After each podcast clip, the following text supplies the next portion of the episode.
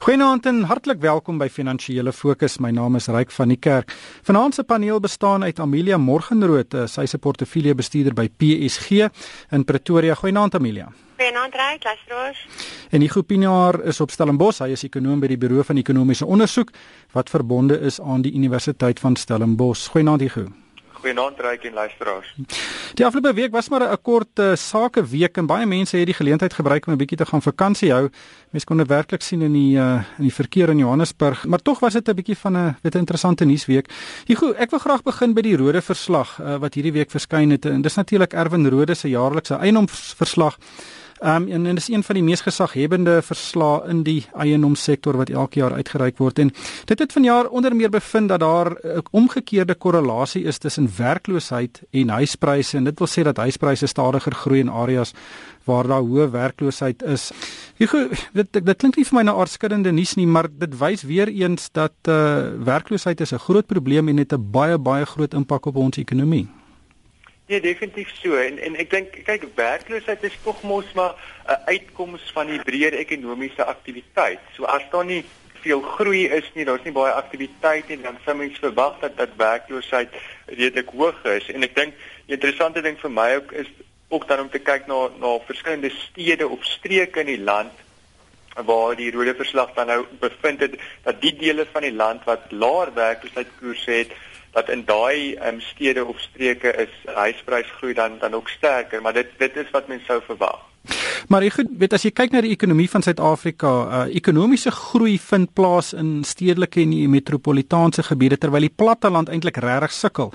Dink jy daai tipe van tendens gaan dan deurspoel in huispryse in plattelandse dele waar dit regtig net eintlik weet basies stil staan? Ja, mense sou so dink. So so jy weet ons het 'n bietjie van 'n ontvolking op op die platteland. Dis nie 'n nuwe tendensie dit dit gaan al vir 'n redelike tydjie voort. Weereens omdat die geleenthede op die platteland maar veral in, in sommige gebiede redelik beperk is. So mense stroom maar na die stedelike gebiede toe en natuurlik dit veroorsaak ehm, 'n um, groter vraag na huisvesting in stedelike gebiede. So mense sou dan nou verwag dat huispryse groei in daai gebiede sterker is as in die platteland. Amelia, ehm um, weet jy die verslag sê ook dat huispryse is oorwegend hoog en hoog is in aanhalingstekens van is weet ons het nie baie groei gesien die afgelope weet paar jaar nie. Julle is in die in, in die weet raadgewende bedryf. Uh julle gee vir mense raad. sien jy mense wat julle kliënte is wat begin geld skuif van uh, die beurs af wat nou op die reg op 'n hoogtepunt is na ander bates soos byvoorbeeld residensiële eiendom? Nie regtig nie, Ryk. Ek dink jy weet ons raad bly steeds dat ehm um, residensiële eiendom nie regtig ehm um, 'n bateklas is wat vir jou die langtermyn uitsonderlike groei gee nie. As jy maar net kyk na die uh, Absa huispryse indeks, vir daardie indeks sluit nou nie 'n uh, totale prentjie. Dis nou nie 'n totale prentjie nie, want jy kry nie noodwendig daarso ehm um, byvoorbeeld as jy eiendom op 'n goeie plek koop die regte inkomste wat daar Dit is nie maar in elk geval nietemin, dit gee vir jou baie goeie prentjie dat die daardie um, indeks net skaars inflasie klop oor die langtermyn. So dit bly nog steeds nie regtig 'n goeie belegging nie. En ek het geluister na Erwin se uh, onderhoud vroeër in die week op Moneyweb en dit was my baie interessant want hy het nogal gepraat oor eiendom in die algemeen en hy het weer benadruk dat die Suid-Afrikaanse um, residensiële eiendomsmark nog steeds um, glad nie herstel het na die ineenstorting 'n paar jaar gelede nie. En wat hy ook genoem het wat baie interessant is is dat ons het nooit 'n behoorlike regstelling gehad soos die Amerikaners byvoorbeeld nie.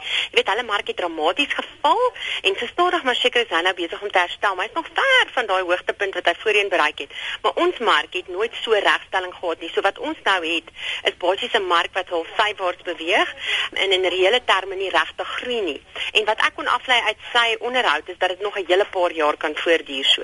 Veral as mens die die, die residensiële eiendom vergelyk met genoteerde eiendom want genoteerde eiendom is besig om absoluut te vlieg en is een van die sektore wat in die eerste deel van die jaar van die beste prestasies gelewer het kan dit glad nie met mekaar vergelyk nie. Glad nie. Ehm um, kommersiële eiendom in Suid-Afrika doen fantasties winkelsentrums kantoorspasie. Ehm um, dit is weet heeltemal in 'n ander liga en word behoorlik bestuur deur groot maatskappye en ehm um, jy weet die residensiële mark in Suid-Afrika het geweldige groei getoon in die afgelope klompie jare. Daar was ons te sterk op opkomende middelklas hier in Suid-Afrika. Daar is heelwat belangstelling um, van die res van Afrika wat natuurlik hierso kom besigheid doen en dan het ons ook ehm um, Suid-Afrika wat so tipe van 'n wegspringblok is na die res van Afrika. So dis geweldige sterk ontwikkeling, ontploffing hmm. gewees in in kommersiële eiendom in Suid Suid-Afrika terwyl residensieel natuurlik heeltemal iets anders is. Daar sit jy met die probleem van huurders wat jy nie altyd behoorlik kan met wetgewing kan reguleer nie. Jy weet jy so Johannes half afgekap baie kere. Nog 'n interessante verslag wat hierdie week verskyn het is navorsing wat Mike Schuessler namens Bankserve gedoen het. En uh, hulle hulle kyk na salarisse en pensioenuitbetalings um, aan individue. Weet en dit is gebaseer op fisiese transaksies wat deur die bankstelsel gaan en dis nie 'n peiling waar mense gevra word vir hulle menings nie. Nou Hugo, ehm um, die die die statistiek wys dat salarisse en pensioene in Suid-Afrika heelwat vinniger styg as wat die inflasiekoers is. Die Bankserve data sê dat die gemiddelde salaris in Suid-Afrika in Maart um, so wat R11000 was en dit is 7.5% hoër as in Maart verlede jaar terwyl die die inflasiekoers so wat 4% was en dis amper dubbel die inflasiekoers. Nou ek glo nie heeltemal daai 4% inflasiekoers nie, maar 'n 7.5% salarisverhoging gemiddeld is klink vir my na 'n baie groot syfer. Ja, dit is nogal. Ek meen mense moet ook aan nou onthou die die inflasiesyfer is nou 4%, maar die gemiddelde oor die afgelope 12 maande was dan natuurlik nou 'n bietjie hoër as dit. So so as jy oor 'n 12 maande periode kyk dan in hele terme is daai 7.5% nou nie nou nie reg. Jy weet dis meer as inflasie, maar dit is nou nie 4, dit is nou nie dubbel in inflasie nie. Maar nietemin dit is meer as inflasie. Maar ek dink reg dit dit kom terug na ek dink veral die die laer besoldigde werkers, mense in die mynbou sektor die vervaardigingssektor daai loononderhandelings wat ons gesien het die, die afgelope 12 maande dit dit is op hoë vlakke mense betemal dit 10% plus wat van hierdie werkers gekry het. En ek dink dit is ongelukkig wel gelukkig as jy 'n werker is maar as jy as jy uitgesluit is van die arbeidsmark bly dit natuurlik vir my 'n groot probleem in terme van ons het vroeër gepraat oor ons hoë werkloosheidskoers. Die die feit is Suid-Afrika het amper 'n keuse gemaak dat ons hoër lone gaan kies bo in diensneming en jy weet dit kom terug na die die groot rol van die vakbonde um, ensovoorts.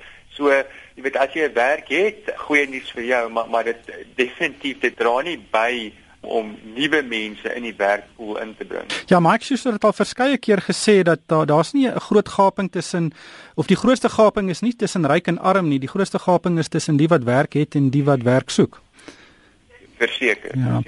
Amelia, interessante deel van daai navorsing is ook dat die mense wat meer as R50000 'n maand uh, kry en dis nou dis nou geld wat in jou bankrekening inbetaal word. So dit is nadat uh, belasting en en mediese onkoste afgetrek word. Nou R50000 'n maand in jou rekening is 'n klomp geld. Ehm um, en daai segment het met meer as 20% gespring. En dit dui regtig daarop dat die sekere die boonste deel van die mark ook baie vinnig groei. Ja, nee, ek dink daar's 'n sekere segment daar in die middel rond bereik wat geweldig sterk gegroei het. Ek het nog verder gelees van daai navorsing wat hy gesê het. Hy sê ehm um, 3 4 jaar gelede nog ehm um, was daar net iets soos 5 of 6000 mense wat sê maar oor 100 000 rand verdien het en nou praat jy van 15000 mense. So daai syfer het ook omtrent vir 3 dubbel. En ek dink daar's sekere dele van ons ekonomie en sekere ehm um, dele van ons werkersmag wat geweldig sterk gegroei het. Maar ek dink 'n groot deel van die korporatiewe kant, die gewone ou op straat soos jy van wat ons gepraat het van kry maar jou jou gemiddelde 5-6% ehm um, verhoging weet wat gekoppel is aan inflasie. Maar die syfers word bietjie skeef getrek deur wat byvoorbeeld in die mynbousektor gebeur en ook in ons staatsdiens. So ek dink jy weet die navorsing is ook baie moeilik om te interpreteer as gevolg van hierdie skeefgetrekte goed in Suid-Afrika. Net laastens hier hoe pensioene baie mense in Suid-Afrika kry pensioene. Dit het skynbaar met 9.5% gestyg oor daai uh, jaartydperk met 'n gemiddelde uh, wat van net so R5600 'n maand. Wat maak jy van daai syfer? O, oh, yes, ek weet nie eintlik om om eintlik te wees nie ryk. Ehm um, Amelia, ek weet ek weet nie of jy mm. of jy miskien 'n insaai daar nie. Ja, ek dink wat baie gehelp het wat pensioene betref, is die sterk groei wat ons gehad het in die markte. Jy weet 'n goeie portefeulje wat ehm um, heelwat aandele insluit en selfs kommersiële eiendom wat baie van die pensioens wel insluit.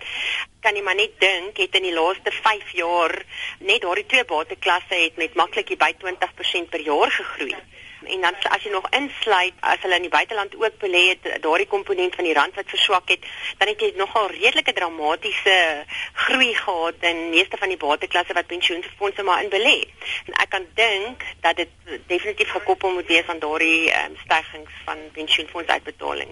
Se pensionaars se baat dan ook by die by die ongelooflike loopie wat die JSE gehad het die afgelope tyd. Maar ek ek wil gou gesels oor die Amerikaanse ekonomie. Ehm um, dis natuurlik die op die oomblik die spil waarom die wêreldekonomie draai. Almal kyk na Amerika en En uh, en as daar enige statistiek uitkom dan spring almal op en af en ooreageer en dis presies wat ook weer hierdie week gebeur het. Die Fed het Woensdag aangekondig dat daar omtrent geen groei in Amerika was in die eerste kwartaal van die jaar nie en dis nadat mense omtrent 1% groei verwag het. Hoe, hoe lees jy die Amerikaanse ekonomie op die oomblik? Reg dit dit is dis amper 'n bietjie van 'n weerspieël of of 'n weerkyk van wat in die eerste kwartaal verlede jaar gebeur het. Ehm um, die syfer was onverwags sleg maar daar is algemeen verwag dat groei redelik gaan verlangsaam in die eerste kwartaal. Daar was 'n paar spesifieke faktore. Die Fed verwys daarna dat dit van hierdie goed tydelik is en ek dink dit is inderdaad so. Ehm um, byvoorbeeld baie koue weer wat ons in die noordooste gehad het wat ekonomiese aktiwiteit gedemp het. So dit is presies wat ons um, verlede jaar ook ook gehad het. Maar dan is daar ander faktore. Ehm um, nie residensiële investering het dramaties gedaal in die eerste kwartaal en dit was veral in die olie en gasbedryf. So dit kom nou terug na die laer ehm um, olieprys en die impak wat daai prys op veral die sogenaamde ehm um, skaliegasbedryf in Amerika het en dan natuurlik het uitvoer nogal gedaal in die eerste kwartaal en en dit is 'n faktor van die versterkende dollar of die dramatiese versterking in die dollar in die tweede helfte van van verlede jaar. En dan was daar ook 'n staking in die in in die Weskus van Amerika in in van die hawe. So dis ook 'n tydelike faktor. So ek dink jy weet die dollar bly sterk, so dit gaan waarskynlik hulle uh, uitvoer aanhou demp um, in die afsienbare toekoms, maar van hierdie ander faktore behoort dan nou van die tweede kwartaal af um, uit uit die weg geruim te wees sodat groei bietjie optel van die tweede kwartaal. Ja, Amelia, die dollar het met 'n allemintige 26% in die euro verstewig. Ehm um, natuurlik uh, maak dit hulle uh, invoere baie goedkoper, maar ehm um, jy weet so 'n wesenlike verandering in die waarde van 'n geldeenheid gaan regtig groot uh, ekonomiese implikasies hê. Nee, absoluut. Ehm um, ryk ehm um, dis nie noodwendig so goed vir hulle ekonomie nie want dit ehm um, beïnvloed natuurlik hulle uitvoere. Maar dit is baie goed vir ons. Ehm um, die rand het redelik 'n uh, redelike goeie vertoning gelewer hierdie laaste week. En om aan te sluit by wat jy ook genoem het, ehm um, wat in die Amerikaanse ekonomie op hierdie stadium aan die gang is, en dit is dat die Federale Reserve redelik oortuig is dat al hierdie faktore ehm um, wat jy nou ook genoem het, redelik uit die weg geruim is en dat hulle ehm um, weer op 'n pad van gematigde groei sal gaan. Maar hulle het niks gesê oor rentekoerse nie. Ehm um, die Federale Reserve het duidelik nog nie besluit om te begin om rentekoerse aan pas opwaarts nie. Ehm um, hulle het wel aangedui dat hulle nog steeds 'n baie stadige um, reeks van rentekoerse in die toekoms in die in die komende maande wil begin toepas. Maar dit is onwaarskynlik dat dit in Junie gaan gebeur soos wat meeste analiste en markspelers verwag het. So ja, so uh, waarskynlik sal ons nog steeds hierdie situasie vind, ehm um, dat aandelemarkte sterk sal staan in die in die komende maande want rentekoerse gaan nog nie begin styg nie. Ja, ek het gepraat van markte. Ons het uh, hierdie week weer 'n groot hoeveelheid uh, wisselvalligheid gesien, veral in die buiteland en in een van die sektore wat nogal die aandag getrek het was die kommoditeitsektor met verskeie kommoditeite wat uh, wesenlike pryseveranderings ondergaan, soos byvoorbeeld ystererts, pryse wat uh, met meer as 20% in 'n paar weke gespring het. Dit is baie interessant raak. Ek ek dink die die die ysterertsmark en die en die oliemark kan mens nogal met met mekaar vergelyk en albei daai markte is vraag nie te buffers nie en, en dit kan mens net terugherlei na die verlangsaming in die Chinese ekonomie, maar ek dink net so belangrik is wat aan die aanbodkant aan aan die gebeure is. Nou ons weet in in olie is dit die skaliegas in Amerika wat die produksie dramaties gestyg het in die laaste paar jaar. So daar's eintlik 'n bietjie van 'n ooraanbod in die oliemark. Maar mens sien dieselfde ding in ystererts. Ehm um, so die groot produsente um, BHP Billiton, Rio Tinto ensovoorts het het baie skerp hulle produksie uh, verhoog die laaste paar jaar en nou is hulle amper nog steeds besig om dit te doen in in 'n mark waar die vraag aan die verlangsame is en dit is hoekom ons nou gesien het dat die ysterertsprys net soos olie baie skerp gedaal het in die laaste 6 maande of so. Maar wat ons uit die laaste 2 weke of so gesien het is dat die Chinese is nou besig om redelik hulle ekonomie te stimuleer, dit rentekoerse verlaag, hulle het ander maatreëls um, ingestel. En dit het nou die hoop laat opvlam dat hierdie verlangsaming in die Chinese ekonomie dat dit nie nie verder sal sal gaan nie en die uitstrydsprys het is nou ondersteun daardeur. En ons natuurlik gesien dat Kumba op die JSE nogal redelik sterk gestyg het in reaksie op hierdie 'n uh, beter ysterprys. Hoewel die prys nog steeds baie af is van 12 maande terug. Ja, Amelia, baie mense weet wil nou ewe skielik begin sê dat die uh, die kommoditeitsektor het dalk 'n draaipunt bereik. Maar weet een swaalkie maak nie 'n somer nie. Nee, ongelukkig nie. Ehm um, dit is so dat dat die ysterertsprys nou opgespring het. Om die waarheid te sê, dit word nou beskou dat ehm um, die prys van ystererts in 'n bullmark is omdat hy sommer basies oornag met 20% gestyg het. Maar mense moet in ag neem dat hy nog steeds 70% onder sy rekordhoogtepunt is van 2011. So die pryse het nog 'n hele entjie om te gaan en ek dink die pryse dalk bietjie te ver gedaal en die feit dat baie van die miners um, van die groot internasionale ysterertsminers begin terugsny op produksie kan dalk help om die prys uit die modder uit te kry. Wel ongelukkig hierdie tyd ons ingehaal. Baie dankie aan Amelia Morgenrood van PSG en die Gopinaar van die Buro van Ekonomiese Onderzoek en vir my ryk van die kerk. Dankie vir die saamluister en ek hoop almal het 'n winsgewende week.